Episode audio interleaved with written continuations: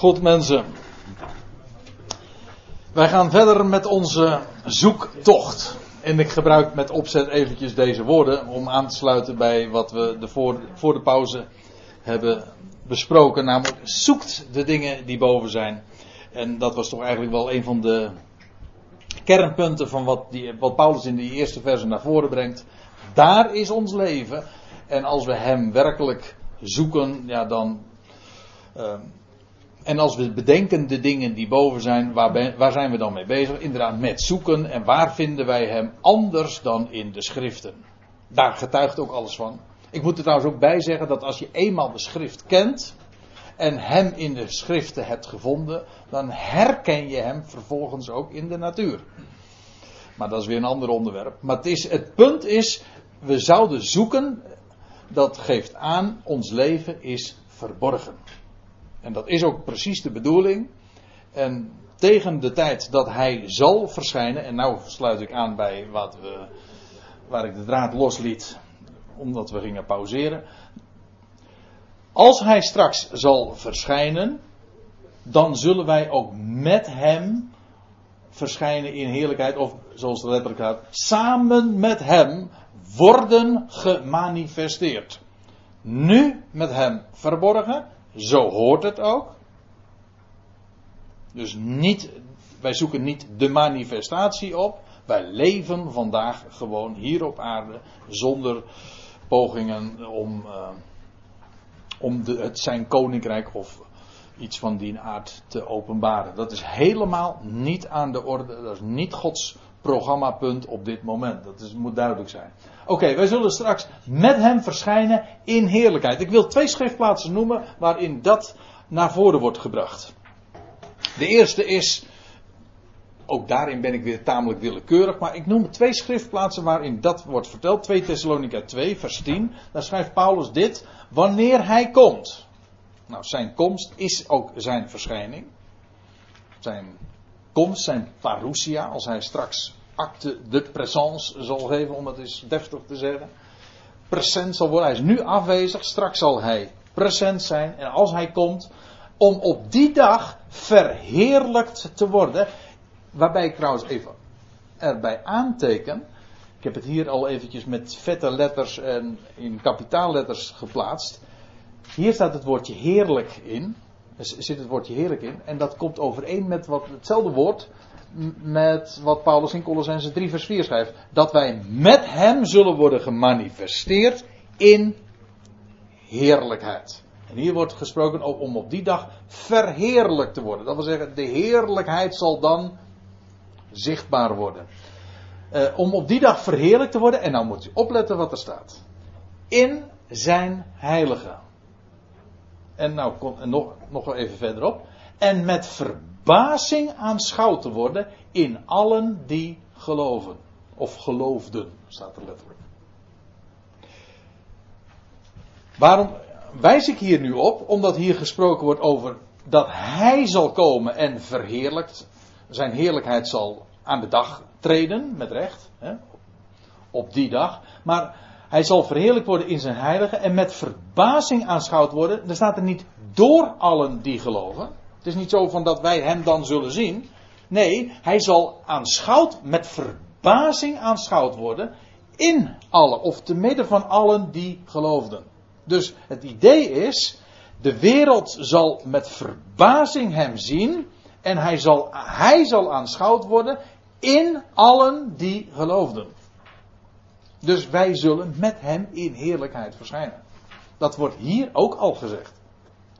Men leest er vaak overheen, omdat men dan hier leest. Uh, om aanschouwd, met verbazing aanschouwd te worden door allen die geloofden. Maar dat staat er niet. Hij zal aanschouwd worden in allen die geloofden. Dat wil zeggen, hij zal verschijnen en wij zullen met hem verschijnen. En dus zijn heerlijkheid wordt manifest in ons. Hm? Dus dit is een waarheid die Paulus al in een van zijn allereerste brieven, dat is de 2 Thessalonica 2, vers 10, dat staat gewoon heen te boek als eh, de tweede brief die hij heeft geschreven. Althans, die in de Bijbel is, vermeld, eh, is uh, terechtgekomen. daar bracht hij dat al onder woorden. En dan zal ik u nog een schriftplaats wijzen. En dan gaan we naar Zacharia 14. Ja, dat is het Oude Testament. Ik zei al, waar, waar zou hij anders gezocht worden dan juist in de schriften? En gezocht, waarom daar? Wel omdat hij er ook gevonden wordt. En je kunt natuurlijk zeggen, de gemeente, de Ecclesia, wij zijn verborgen in het Oude Testament. Nou, we hebben het daar al even over gehad. De, hele, de waarheden die Paulus naar voren bracht, die zijn verborgen in het Oude Testament. Dat wil zeggen, er is niet over gesproken, men wist daar niet van. Maar achteraf, nu wij de verborgenheid kennen, Paulus heeft het op schrift gesteld, herkennen wij het wel degelijk wanneer we het Oude Testament lezen. Ik bedoel dit. Nou, we zijn hier, Zachariah 14, een profeet. Een bekend hoofdstuk gaat over, over uh, de verschijning van de Heer, straks in heerlijkheid, ten behoeve van zijn volk. En dan in Zachariah 14, die eerste verse wordt gesproken over dat Jeruzalem zal worden ingenomen door, door alle volkeren zullen ten strijde trekken tegen die stad. Dat is een toekomstige gebeurtenis. En dan zal de stad worden bezet en zal uh, worden verwoest. Er zullen vreselijke dingen gebeuren. En dan lees je dat men het. Dan, dat de, ja, dat wordt ook al in het Zachariah 13 gezegd. Dan zal men de naam van de Heere aanroepen. Van Yahweh. De naam die Israël nu nog steeds weigert uit te spreken. Zo heilig als die is. Maar die zullen ze dan aanroepen. In, in zulke nood zullen ze zijn. De, de grote verdrukking zal dan op zijn dieptepunt of hoogtepunt, hoe je, het, hoe je het ook maar zeggen wil, zijn gekomen. En dan zullen ze nog maar één uitweg hebben en de naam aanroepen. En dan zal hij inderdaad verschijnen. Voor zijn volk. En dan zal hij ten strijde trekken tegen de natie. Dat, dat staat daar. Ik teken nu eventjes gewoon de samenhang, de context van Zachariah 14. En dan staat er dit. En zijn voeten van Yahweh. U kunt natuurlijk, je kunt zeggen, ja maar Yahweh is toch de onzienlijke God. Ja zeker, maar hij heeft een beeld. Dat is trouwens ook Colossense 1, vers 16. Hij, Christus, is het beeld van de onzienlijke God. En als Yahweh dus verschijnt, dan is dat niemand minder dan de Heer Jezus Christus. Zijn voeten zullen ten dien dagen staan op de olijfberg. Dit plaatje. Die berg. Wilt u het nog wat preciezer gelokaliseerd hebben? Nou, alstublieft. Die voor Jeruzalem ligt aan de oostzijde. Met recht. Als men zich gaan. Als men zich oriënteert. Zeg het expres even zo. Hè. Oriënteren betekent eigenlijk je richten op het oosten. Daar waar de zon opkomt. Maar dat is met recht. Als de, als de zon der gerechtigheid opkomt, dan komt hij dus met recht in het oosten op. Ik moet, er ik moet er ook even aan denken, dat even terzijde, dat als, Jeru, als, als het orthodoxe Jodendom vandaag samenkomt op de voor hen meest heilige plek, nu, namelijk bij de klaagmuur, dan, dan staat men tegen een muur, met recht. Men heeft geen zicht. Maar stel je voor dat die muur weg zou vallen. En dat men zo zou kunnen kijken. Dan zou men hier naar kijken. Want men is, dan men is gericht. Men ziet het niet. Er zit een, met recht een muur tussen. ja. Ze zien. Ja, en dan, weet je wat je dan krijgt? Dan, dan ga je klagen. Dat is al, allemaal klachten. Maar men is gericht op de olijfberg. En dat is precies, men weet het niet, maar daar zal hij komen. En daar zal hij verschijnen. Voor eh, op de olijfberg, die zullen, zijn voeten zullen te dien dagen staan op de olijfberg, die voor Jeruzalem ligt, aan de oostzijde. En dan, bij die gelegenheid, zal de olijfberg midden doorsplijten. En dan wordt er nog bijgezegd hoe precies. En er zal een dal uh, ontstaan en een een vluchtweg eigenlijk, een vluchtroute ter plekke gecreëerd worden. Zodat het overblijfsel zal vluchten naar de woestijn. Nou ja, over de hele gang van zaken, daar staat heel veel over in de profetie. Maar dat laat ik nu even rusten, want waarom wijs ik hier nu op? Het gaat hier over de verschijning van de des Heren heerlijkheid. Van, namelijk in de Messias, die zijn voeten zullen staan op de Olijfberg. Hij ging ooit weg op de Olijfberg. Zijn voeten stonden ooit op de Olijfberg. En toen vertrok hij. En een wolk onttrok hem aan hun ogen. Maar straks zal hij weer verschijnen. Op die, niet alleen op dezelfde wijze, maar ook op, zelfs op dezelfde plaats zullen zijn voeten staan. Afijn. En dan staat er, gij zult de vlucht nemen naar de woestijn, ja, in het dal mijner bergen. Ik ga er allemaal even aan voorbij, dus kost me grote moeite, maar goed. En Jaweh, mijn God, zal komen, en nou komt het. Alle heiligen met hem. En er staat niet bij wie dat zijn. Dat is verborgen. Hebt u hem? Dat is verborgen. Het wordt niet bij gezegd wie die heiligen zijn, maar ik weet het wel. Dat wil zeggen, ach, Zacharia spreekt daar niet over, die verzwijgt dat. Natuurlijk, dat hoort, dat moest ook. Het is Paulus die het openbaart. Als hij, als hij namelijk zal verschijnen in heerlijkheid, dan zullen wij met hem worden gemanifesteerd in heerlijkheid. En als hier dan staat dat hij, alle heiligen met hem zullen verschijnen, dan kan dat niet missen, daar zijn wij bij. Natuurlijk, als Christus verschijnt, hij is ons leven, dan zullen wij dus, als hij verschijnt daar in heerlijk, zullen wij daar ook bij zijn. Natuurlijk, wij zullen toch altijd bij hem, met hem zijn. En als u zegt, maar wij hebben toch ook een hemelse taak. Ja, wat dacht je wat? Maar uh, niet alleen hemels, ook aards. Gewoon het hele universum is aan Christus voeten onderworpen. En daarmee dus ook aan ons. Dus een. Uh, vrij uitgebreid onderwerp, maar het moet nu even genoeg zijn, denk ik, om erop te wijzen dat als Christus straks zal verschijnen in heerlijkheid, dat wij met Hem zullen verschijnen, zullen worden gemanifesteerd in heerlijkheid. Daar hebben we geen idee van, maar het is nu allemaal nog, alles is verborgen, maar straks wordt dat met verbazing aanschouwd. En ik uh, kan daar echt naar uitzien. Wauw, wat moet dat zijn zeg. Daar heb, je geen, daar heb je geen idee van.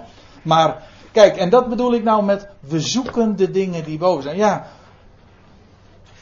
in het gewone dagelijkse leven word je daar niet mee geconfronteerd. Als je de tv aanzet, word, je niet getrakteerd op zulke dingen.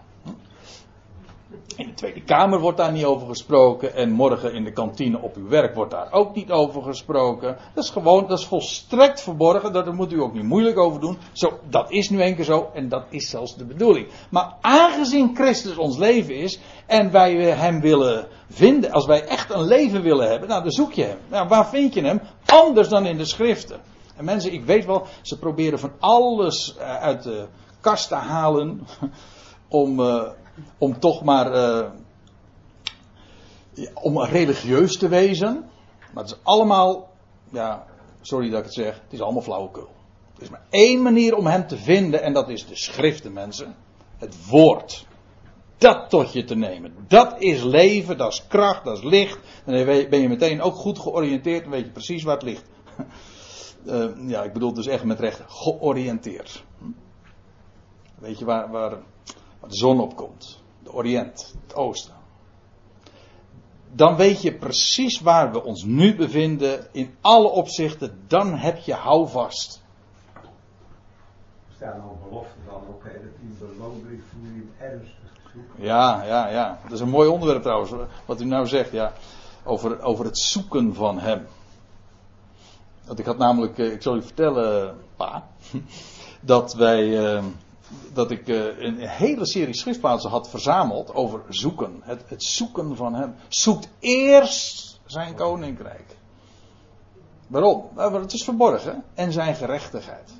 En al. Kijk, want mensen denken van dat zoveel dingen hier in deze wereld van belang zijn. Hè, want ja, eet, waar, waarmee zullen we ons eten? Dat is de bergreden trouwens.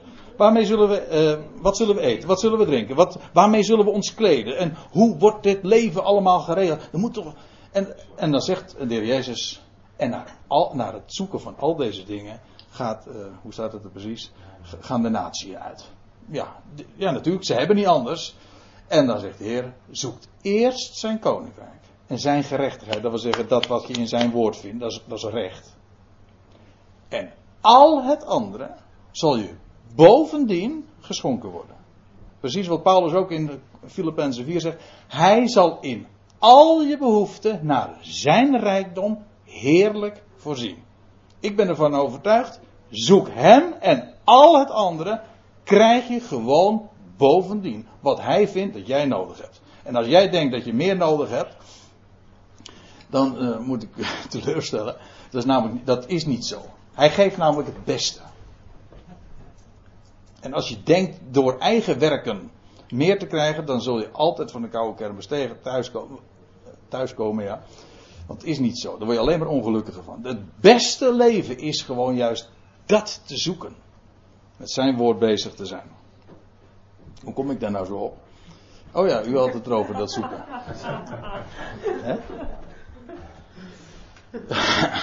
Wat zit je te lachen? Ja, maar dat is het ook zo. En dan ben je, dan, als je hem zoekt met recht, dan is hij een beloner van wie hem zoeken. Dat is ook niet omdat dat nou zo'n prestatie is, zo is het niet. Want het is helemaal geen prestatie. Het is, trouwens, u weet van nature, van onszelf, van huis uit, is er niemand die God ernstig zoekt. Dus, dus, dat is, uh, dus als je hem zoekt, dan is dat gewoon in je hart gelegd, want hij, hij, hij werkt dat in je. Maar als je hem zoekt, gewoon daar waar hij is, namelijk in zijn woord, daar kom je hem tegen, dan is hij een beloner daarvan. Want daar vind je zo enorm veel rijkdom, waar we het over hadden. In hem zijn alle schatten van wijsheid en kennis verborgen. Dus wat er ook aan rijkdom te vinden is, het is in hem. Dat is dus de beloning van dat zoeken van hem. Daar word je zo steen en steen rijk van. Ik bedoel het niet alleen maar als dat is niet alleen maar wat de schrift zegt, maar ik kan het gewoon duizendkoppig onderschrijven. Gewoon als ervaringsfeit. En iedereen die weet waar ik het nu over heb, die zegt van ja, het is gewoon de waarheid. Het is zo waar. Dat is zo'n rijkdom wat je vindt in hem. En bovendien. Uh, en al het andere. Ja. Hoezo al het andere, denk je dan? Maar wat er ook nodig is, daar zal in voorzien worden. Ja, dat is een heel mooi, relaxed leven. Daar geloof ik heilig in. Dat is wat we mogen kennen. Goed. Uh, nu eventjes uh, teruggaan naar, uh, naar dat in Zachariah 14. Maar het ging natuurlijk om dat wij met hem zullen worden gemanifesteerd in heerlijkheid. Dat gebeurt TZT. Op het moment dat het eh, voor hem op, uh, op het moment dat de, de, tijd daar is. Goed, dan gaan we nu naar vers 5. En daarmee is een. Uh, als u in uw Bijbelvertaling kijkt, dan ziet u dat daar ook een nieuwe passage aanvangt, een nieuwe pericoop. En dat is terecht, want Paulus gaat nu een conclusie trekken, namelijk. Vers 5. En dan wil ik meteen op bij het vijfde vers wil ik uh, op een paar woorden meteen al eventjes goed inzoomen, want daar zou je zomaar overheen lezen. In, in eerste was dit. Dood dan de leden die op de aarde zijn. Let op, er staat dood dan de leden. Dat is een conclusie. Er staat niet, maar dood de leden. Ja, deze toelichting heeft even een aparte. Uh, een toelichting nodig. Ja, deze toelichting heeft uh, een toelichting op zich weer nodig. Waarom? Ik heb namelijk te veel preken gehoord in mijn leven. Predikaties. Uh, ja, nou, te veel preken. Ik bedoel dit. Uh, te veel preken waarin het zo wordt voorgesteld. In het algemeen, als het gaat over de wandel. Dan, dan wordt daar gezegd. Wij zijn in Christus volmaakt en over onze positie. En dat wordt dan onderschreven. Voor zover men dat dan kent. Maar krijg je dan. Daar heb je ook nog de praktijk. Denk erom, het is allemaal prachtig, maar uh, denk erom, uh, je, moet ook, je moet wel de leden doden die op de aarde zijn. Nou ja, ik, ik kom daar nog op diverse van die woorden terug. Maar het gaat me nu eventjes om dat woordje dan. Het is niet maar, het is dan. En wat is het verschil? Maar is een tegenstelling. Het is niet zo van, ja dat is allemaal prachtig, maar ja, daar staat wel wat tegenover dat wij dat wel moeten doen. Als je dat denkt, En als je zo dus ook vanaf vers 5 en de navolgende versen leest, dan stap je meteen in door, de verkeerde deur naar binnen en dan ben je meteen op voorhand al ontspoord. En u weet hoe ernstig dat is als je meteen. als, je meteen uh, als je meteen de foute wissel hebt, want dan ga, dan ga je helemaal de mist in. Het is hier niet maar, het is dan. Dat wil zeggen, het is een conclusie. Het volgt eruit. Het is geen tegenstelling. Het, Paulus zegt, als dit zo is. Nee, aangezien dit zo is, dood dan. Dus, dus de consequentie. Het is gewoon de, het logische gevolg ervan. Het is, de, het is geen tegenstelling, maar het is de logica. Dat is één ding. Nou, moet, ik moet nog meer zeggen. Want, nou, dat eerste woord, dood dan. Dood dan de leden die op de aarde zijn. Dood dan. Ja, dood dan. Ja, je hebt ook nog dood dan. Nou ja. Ja, daar waren ezels. Ja, ik, terwijl jij nou dat zegt, ik zat er namelijk nou ook al aan te denken. Maar ja, ik, ben, ik zou zomaar een ezel zijn als ik daar nu op in zou gingen. Aan, uh, die, die, ezels die ook zoek waren. Ja, die waren nog kwijt ook, ja. Die ezelinnen van Saulus, u weet wel. Saul. dat was dood dan. Nou, goed. Uh, eventjes, dat, moet, uh, dat moeten we maar gewist worden misschien van de band, want het heeft er helemaal niets mee te maken. nee, hij zegt dood. Kijk, uh, er staat dit Griekse woord, en ik, dit is een. Kijk, deze interlineair, dat is van het Bijbelprogramma ISA. Interlineair Scripture Analyzer. André de Mol die is momenteel hier niet aanwezig was door ziekte verhinderd, maar die heeft dat programma prachtig allemaal zo gemaakt. En dan, daar zit ook een concordant view in en dan kun je hier gewoon op inzoomen. En dan, zie je, en dan krijg je dit, zo'n plaatje te zien. Zo prachtig. Als je echt zoekt de dingen die boven zijn bezig bent met de schrift, dan is dat zo'n search functie, zoekfunctie, prachtig. Want wat je dan ziet, is dit, ja, u weet, uh, Griekse woorden, Hebreeuwse woorden in de Bijbel hebben allemaal een code codenummer. Het is makkelijk, als je de Griekse taal niet spreekt, dan is het makkelijk om die code. En die, dat noemen ze strongnummers. En dit, nou, dit woord heeft een, een code. Dat is uh, strongnummer 3499. Waarom zeg ik dat nou? Nou, dit woord komt drie keer voor. In, verschillende grammaticale vormen dan. Maar we gaan het niet ingewikkeld maken. Waarom wijs ik hier nu op? Niet om interessant te doen over Grieks en over grammatica. Maar om te laten zien dat dit woord hier wordt vertaald met dood. Maar die twee andere keren wordt het vertaald met verstorven. En dan gaat het in de ene keer gaat het over uh, in Romeinen 4 en de andere keer in Hebreeën 11. In beide gevallen gaat het trouwens over Abraham die was verstorven, staat er. En dat is nou zo leuk. Want dat zet ons meteen op het spoor. Bij verstorven denk je niet aan iets wat. Uh, uh, verstorven. Ja, laat ik eventjes uh, dat noemen. Van Abraham. Hij was verstorven. Dat wil zeggen, hij was niet in staat, impotent. Hij was, zijn lichaam was naar. als man was hij bezig te versterven of verstorven. Was hij niet meer in staat tot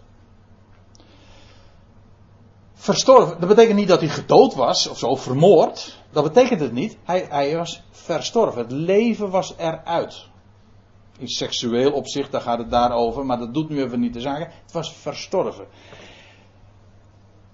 Dat is de betekenis. Zou men het hier consequent hebben vertaald, dat wil zeggen ook hier met, uh, met het werkwoord versterven, dan zou hier dus staan versterven.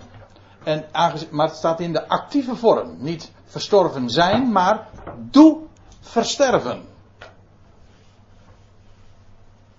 En nou zie ik sommige mensen, ja, u zegt doe versterven, dat is inderdaad heel erg krom Nederlands. Maar, uh, en ik zie sommige mensen nu denken van, goh, waar wil je nou naartoe? Nou, kijk, dit. Versterven, dat is wat anders dan doodmaken. Versterven, dat is over. Kijk maar in de definitie in het woordenboek, daar heb ik het namelijk vandaan. Versterven is, dat is overlijden als gevolg van het niet toedienen van vocht en voedsel. Dat is versterven. Het, het is niet, eh, het idee is niet dat je iemand eh, vermoord is, maar het, het, het is versterven. Er wordt geen voedsel meer gegeven, zodat het leven eruit gaat. Het krijgt geen voedsel meer. Dat is het woord wat hij gebruikt. Dus niet gewoon zomaar doodmaken, maar laat versterven. Of doe versterven, of hoe je het ook maar zeggen wil, dat maakt me niet uit. Als je maar dit vasthoudt, dat het te maken heeft met versterven. En dat vond ik een enorme eye-opener. Die wil ik u bij deze meegeven. Want dat betekent dus dat Paulus hier zegt: laat versterven. Het is dus niet het idee van ga met het zwaard of ga met een huis flink strijden tegen die leden op de, aarde, op zijn. Nee, dat is niet wat versterven is. Dat is inderdaad vermoorden of dat is een actieve daad. Nee, het is juist, het is met recht negatief in die zin van negeren. Negatief komt van het werkwoord negeren. Hè? Geen aandacht geven aan. En dan denk ik, de. Waarom? We hadden het. Kijk, ik zei al. Dit is een conclusie. Is geen tegenstelling. Dit ligt helemaal in de lijn van wat Paulus had gezegd al. In het voorgaande. Want wat had hij nou gezegd? Zoekt de dingen die boven zijn, waar Christus is, die ons leven is. Bedenk dat. Wat gebeurt er nou als je nou je aandacht aan dat geeft? De dingen die boven zijn. Wat gebeurt er dan? Dan versterven de dingen dus die hier op aarde zijn. Dat, wat, dat is dus, ja, dat negeer je. Niet omdat je, omdat je daar actief mee bezig bent. Juist niet. Juist als je, bezig, als je denkt in de termen van daar moeten we nou eens flink, we moeten gaan. Hoe vaak heb ik het niet gehoord? Uh, het is zelfs nog een uitdrukking, uh, ik meen dat het in het doopformulier staat en als u een kerkelijke achtergrond hebt, een Calvinistische met name. Nou, hè? Sorry? Ja, ja en, uh, en het eigen, en het is volgens mij het is ook nog een lied, het eigen ik doden, weet je wel. Daar, maar dat is terminologie die vreemd is aan de schrift, die wel misschien op het eerste gezicht zou je denken van, hé, hey, ja, zoiets staat ook in Colossense 3 vers 5. Uh -uh, dat staat er niet. En hij zegt, houd het ervoor dat gij, dat gij dood zijt voor de zonde. Niet, wees bezig, probeer het te, te, probeer het te doden. Want dat is namelijk het tegendeel, tegendeel, want dan ben je namelijk daar juist heel erg op gefocust. Dan geef je daar je aandacht aan. En dan geef je het alleen maar voeding, sorry? Dus ja, dat je strijden overwinnen moet. Ja, strijden tegen de zonden in ons. Of strijden tegen het vlees. En er zijn veel mensen en die altijd maar bezig zijn in hun hele leven. En het is één groot gevecht. En ook, en dat niet alleen, het is heel triest. Want ze, dat geeft het nog ruidelijk toe ook. Ze zeggen, ja, ik strijd tegen de zon. En elke dag is het weer strijden tegen de zon. En ik merk iedere keer, ik, ik verlies het. Maar ik ga toch morgen weer verder. Ja, en morgen, en morgen, en je weet op voorhand hoor, morgenavond moet je, ja, ik heb, ik heb weer verloren. En je zou toch een keertje moeten zeggen van, ja, nou geef ik de pijp aan Maarten. En zeg, ja, nou, ik vind het nou wel mooi geweest. Hoe hopeloos is het om een strijd te leveren waarvan je op voorhand weet dat je hem verliest. En Paulus spreekt daar helemaal niet over. Paulus spreekt over een leven. Ik bedoel, met vijf hoofdletters dus. Hè. Leven, dat zoek je. We zijn volmaakt en wij leven gewoon dat leven. En dus versterven de dingen, die leden die op aarde zijn, kom daar nog even op terug. Maar dat betekent dus, je geeft, dat krijgt geen voeding meer. Dat bedenk je niet, dat, dat is dus met recht negeren. En daardoor versterft het. Het krijgt, geen, het krijgt niet de noodzakelijke voeding, zeg maar. En daardoor uh, versloft het. Maar dat is, niet, dat is te zwak. Versterft het. Dat is wat Paulus zegt. En dan begrijp je ook. En als, zo zie je hoe de dingen in elkaar grijpen. Dan begrijp je dus ook dat hij spreekt over dood dan. Of doe laat versterven dan de dingen die we. Dat is namelijk precies wat hij al had gezegd. Als je daar je leven is, dat je aandacht geeft, dat betekent dat dus de dingen hier, die geen aandacht verdienen, dus ook geen aandacht krijgen. En dat is precies wat, waar hij het over heeft. Dus niet doden, maar laten versterven. Groot verschil. En ik ben ervan overtuigd. En je ziet het dus overal. Paulus spreekt helemaal niet over zo'n leven. Een overwinningsleven is niet een leven waarbij wij strijden. Dat is juist een. Dat is, dan ben je een loser. Ja, echt waar. Dan ben je een verliezer. Op voorhand namelijk al. Wij, wij strijden. Wij, wij, wat zegt Paulus zelfs in Romeinen 8? Wij zijn meer dan overwinnaars. Een gewone overwinnaar, dat vind ik altijd. Ik hou ervan om eraan te denken. Een gewone overwinnaar, eh, u weet het hè, ik, er zijn huizen die zo heten. Zonder, ik, wij, rijden er regelmatig langs in, ergens op de weg naar Zoetermeer. Hè. Zonder strijd geen overwinning. Ja. Nou, het is natuurlijk wel waar, maar ik denk dan wij zijn meer dan overwinnaars. Christus heeft inderdaad de overwinning behaald door de strijd. Succesvol te strijden. Maar wij zijn meer dan overwinnaars. Dat is het enige trouwens in de Bijbel waarvan ik durf te zeggen dat wij meer dan Christus zijn. Ja, hij is de overwinnaar, want hij heeft de strijd gestreden. Maar wij delen in de overwinning van hem en zijn dus meer dan overwinnaars, want wij hebben niet eens de strijd hoeven strijden. Wij delen in de overwinning zonder dat wij aandeel hebben geleverd in de strijd. Nou, dan zijn we meer dan overwinnaars. Normaal gesproken ik, ik, weet niet hoe u dat hebt, maar ik, ik heb er wel. Uh, vroeger dacht, stelde ik mezelf de vraag: hoe kan dat in hemelsnaam? Meer dan een overwinnaar zijn. Want je kan verliezen, even in sporttermen. Je kan verliezen, je kan gelijk spelen, je kan winnen. Maar meer smaken zijn er toch niet? Hoe kun je nou meer dan overwinnen? Nou, dat weet ik. Namelijk door te winnen zonder dat je een strijd levert. Nou, dat is waar Paulus het over heeft. Wij hebben de overwinning zonder dat wij ook maar enig aandeel in de strijd hebben geleverd. En zo leven wij opgewekt. Ik bedoel, je staat s morgens op. Hè? Mooi hè, mooie term. Je staat s morgens op, je wordt gewekt. En dan begin je een nieuwe dag. En dan vraag, dan, dan vraag, help mij in de strijd, heren. Nee, dan zeg ik, dank u wel dat u alles geeft wat ik nodig heb. En dat ik voor u mag leven. En de zonde dan? Uh, zonde? Hoezo? Wat zonde? Voor sommige mensen, die is, nou misschien niet die, die als u hier zo zit, maar is, is, is het echt abacadabra als, als ik zo spreek. Die zeggen, dat is toch niet mogelijk? Nee, maar dat is nu juist wel de rijkdom waar Paulus het over heeft. Over werkelijk een leven. De meeste mensen overleven. Nou ja, zelfs dat is te veel gezegd. Maar een leven inderdaad vanuit de overwinning. En dat is inderdaad vreugde. Waarbij we ook inderdaad niet meer die prestatie hoeven behalen, want wij danken voor het feit dat Hij zijn werk in en door ons doet.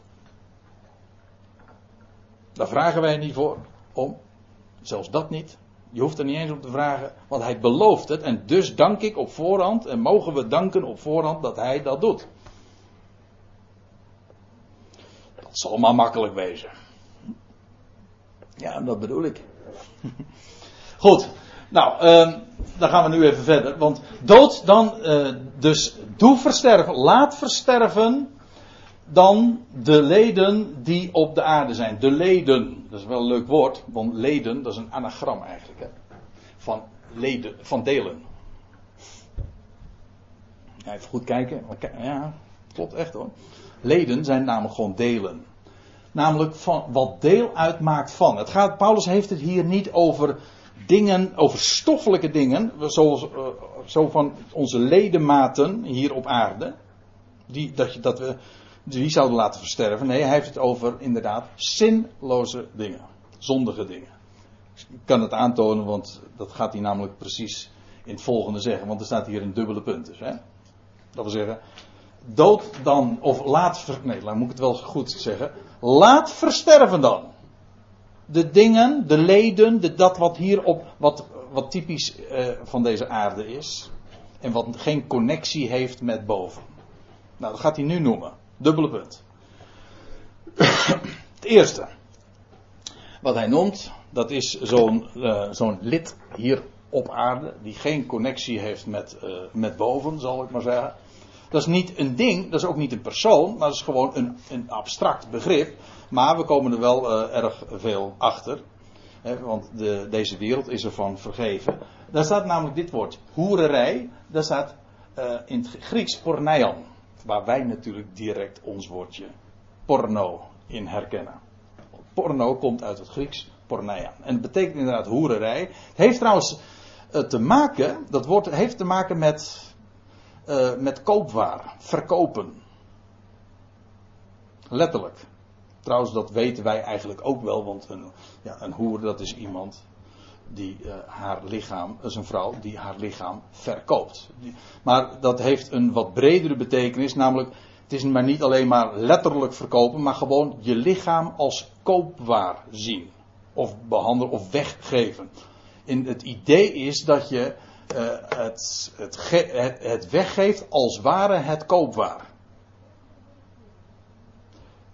Dus uh, alsof, uh, alsof je het zomaar weer kunt inwisselen. Dat is, waarom zeg ik dat nou zo? Omdat de Bijbelse gedachte. Nou, laat ik het. Laat ik meteen een vers noemen. 1 Korinthe 6, vers 16. Die vind ik wel heel sterk. Even ter toelichting van dit begrip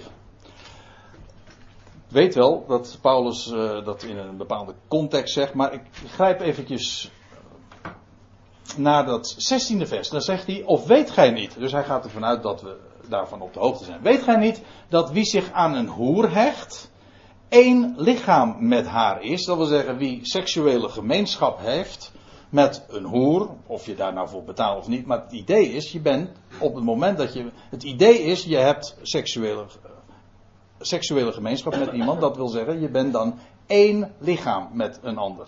Dat is ook wat gemeenschap eigenlijk ook betekent. De twee worden één. Letterlijk. Dus gemeenschap. Nou, zegt hij, uh, wie zich aan hecht, die wordt één lichaam met haar. Want, zegt hij, die twee zullen tot één vlees zijn. En dan beroept Paulus zich, of verwijst hij naar ja, het eerste, eerste hoofdstukken van Genesis. Adam, Eva, Eva die uit, uit Adam voortkwam, één vlees zijn. Het punt is dat bij, bij Paulus heeft uh, dat één vlees, nee niet bij Paulus, in het algemeen vanaf den beginnen is het idee dat wat één vlees is, dat is inderdaad bestemd om één vlees te zijn voor het leven. Dat, is niet zo, dat kun je niet als koopwaar zeg maar weer, weer inwisselen. Nee, seksuele gemeenschap is voor het leven. Wat Gods, uh, hoe was het ook alweer? Wat God samengevoegd heeft, ja, wat één vlees is, wat God samengevoegd heeft, dat scheiden de mens niet. En dat is wat uh, het probleem is, of het punt is met, met hoererij dus. Waarbij uh, die eenheid uh, ongedaan gemaakt. Dat wordt, waarbij het lichaam feitelijk als koopwaar wordt gezien. Terwijl in de Bijbelse gedachte is, het is eenheid, het is een uitbeelding ook van trouw van eenheid. Die onverbrekelijk is. Nou, daar, kan, daar is meer over te zeggen dan dat ik nu even doe. Maar ik, ik ja, ik wilde het toch eventjes toelichten. Want uh, Paulus schrijft dus over uh, als eerste hoererij. Het is eigenlijk een beetje een, zoals dat dan heet, een containerbegrip. Want het, het vat, uh, wat in, in Matthäus 5 is het bijvoorbeeld ook overspel. Maar ook uh, incest in 1 Korinthe 5, heet, dat heet allemaal, hoer, valt allemaal onder, de, onder het kopje hoererij, porneia. Je, je lichaam dus eigenlijk als koopwaar zien of behandelen. Terwijl het in de schrift juist te maken heeft met één vlees zijn voor het leven. In Israël was de hoererij toch ook afgeleid? Ja, ja, dat is heel, ja, wat je zegt, dat is leuk. Want in de, voor is, maar dat was voor Israël ook heel feitelijk concreet. Want heel vaak, met name in de profeten, lees je dat uh, als Israël andere goden achterna ging, dan, wordt, dan, dan, wordt dan zeggen de profeten zo dikwijls, ik, ik zou er talloze voorbeelden van kunnen geven, dan wordt dat genoemd hoererij. Gij hoereert met andere goden. Waarom wordt dat zo geformuleerd? Wel, Israël was de vrouw van God. Gehuwd er was een huwelijksverbond gesloten. Was, er was ook een echtelijke woning, Israël. Wordt, zo wordt het allemaal vergeleken. Er was een, een woning en de man, en de man en de vrouw. De vrouw was uh, ook zelfs, er was een bruidschat zelfs betaald voor Israël. En dan, uh, dan Israël had ook het ja-woord gegeven aan de, aan de man. En dan lees je dat als Israël dus getrouwd is met de man, de Heere zelf. Dat betekent dus dat als er andere goden naliep, na, was dat dus hoererij. Afgoderij is daarmee dus hetzelfde. Voor Israël was het hetzelfde als hoererij. Ze liepen namelijk andere goden na, um, een andere mannen na, dan, uh, terwijl het eigendom was van de man. En dus, dat is hoererij. Ja. Nou, over de positieve betekenis van, uh, van, van, van seksualiteit, daar gaat het nu allemaal helemaal niet om. Punt is nu eventjes dat Paulus dit woord zo noemt, want de wereld is inderdaad vergeven hiervan, van porneia. En hier, hier wordt nog iets gebruikt, uh, een woord dat daar ook wel aan gelinkt is, namelijk onreinheid. Hoewel, en ik heb expres eventjes dit woord, deze concordant view, bijgegeven. Dit woord komt een, uh, tien keer voor in het Nieuwe Testament. En het wordt inderdaad altijd vertaald met, ook in de MBG, door onreinheid. In één keer met onzuiver. Die vond ik wel een uh, ontdekking. Of in ieder geval vond ik wel. Want dat is eigenlijk wat onrein ook is. Dat kan seksueel zijn, maar hoeft niet per se. Iets wat. Kijk, bij onreinheid denken wij seksueel als wij altijd nu eenmaal denken. Eh, meteen aan, in die termen. Hoeft niet. Het is onzuiver. Seksualiteit is heel vaak onzuiver. Daar gaat het niet om. Maar dat hoeft niet per se. Alles wat niet zuiver is, is dus, valt onder dit kopje. Onder die categorie. Ja, onzuiver. En dan staat er nog bij uh, hartstocht. Uh, wordt nog iets bij. Nog iets bij nou, nou,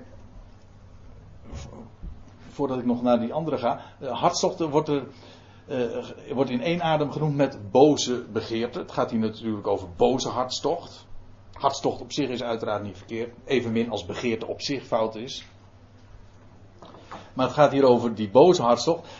Dit woord, wat hier gebruikt wordt, dat is uh, ons woordje passie. Komt trouwens ook hier uit, komt uiteindelijk ook uit het Grieks. Maar passie, dat is, heeft te maken met, in onze taal ook, met aan de ene kant met lijden. De, de passiebloem, de passiespelen, de passion, dat is lijden. Maar het is ook, inderdaad, liefde, hartstocht. En die verwantschap vind ik trouwens wel heel eigenaardig en op, opvallend. Tussen passie, dat wil zeggen lijden, en hartstocht en liefde. Op een of andere manier, in dat woord geeft al aan dat liefde en lijden met elkaar te maken hebben. Ik geef het zomaar even door als gedachte, omdat ik nu hier al dit, uh, dit plaatje laat zien. Hier gaat het natuurlijk uiteraard over, over uh, hartstocht die onzuiver is. Er wordt ook nog gesproken over boze begeerten. kan ook van alles zijn. Uh, boze begeerten. het haken naar dingen die gewoon niet goed zijn, die kwaad zijn. En er wordt erbij gezegd uh, nog iets. En de hebzucht, die niet anders is dan afgoderij. Daar hadden we het zojuist even over. Maar de hebzucht. Weet je wat er trouwens wel opmerkelijk is? Dat dit woord hebzucht in het Grieks letterlijk betekent dat meer hebben. Ja, eigenlijk en daarmee is het woord hebzucht wel, vind ik, heel treffend getypeerd. Wat is hebzucht? Oei. Uh, hebzucht wil zeggen, je wil meer en meer en meer hebben. Nooit genoeg. En als ik er dan nog aan denk, uh, dat als ik dat andere vers, dan, of dat die andere regel er ook nog bij betrek, dan denk ik, kom je zomaar op mammon terecht. Altijd, we hadden het net over, uh, over porneia. Maar als we het hebben over afgoderij en meer hebben, ook dat is zo typerend voor een wereld die leeft in de duisternis. Die niks beters heeft en dus daarin in zich inwentelt en altijd maar meer willen hebben. Nooit genoeg.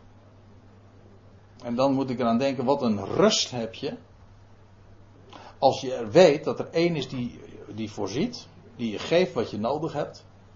Dan heb je helemaal, dan heb je, met, dan heb je genoeg. Dan ben je voor mij, uh, ook, uh, dat is de definitie die ik altijd hanteer. Ik geef hem zomaar even, en dat, daarmee wil ik afsluiten. Ik geef hem bij deze ook gewoon maar door.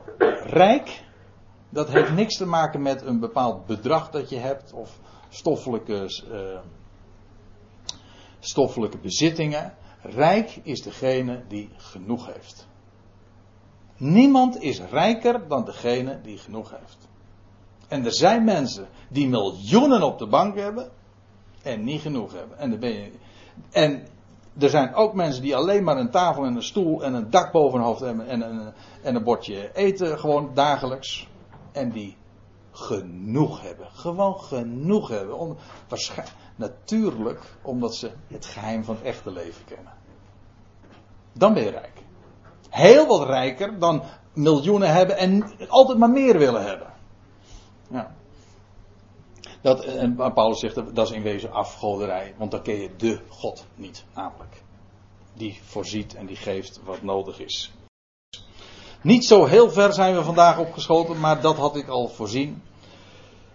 En ik stel voor dat we deze avond nog zullen afsluiten met dankgebed.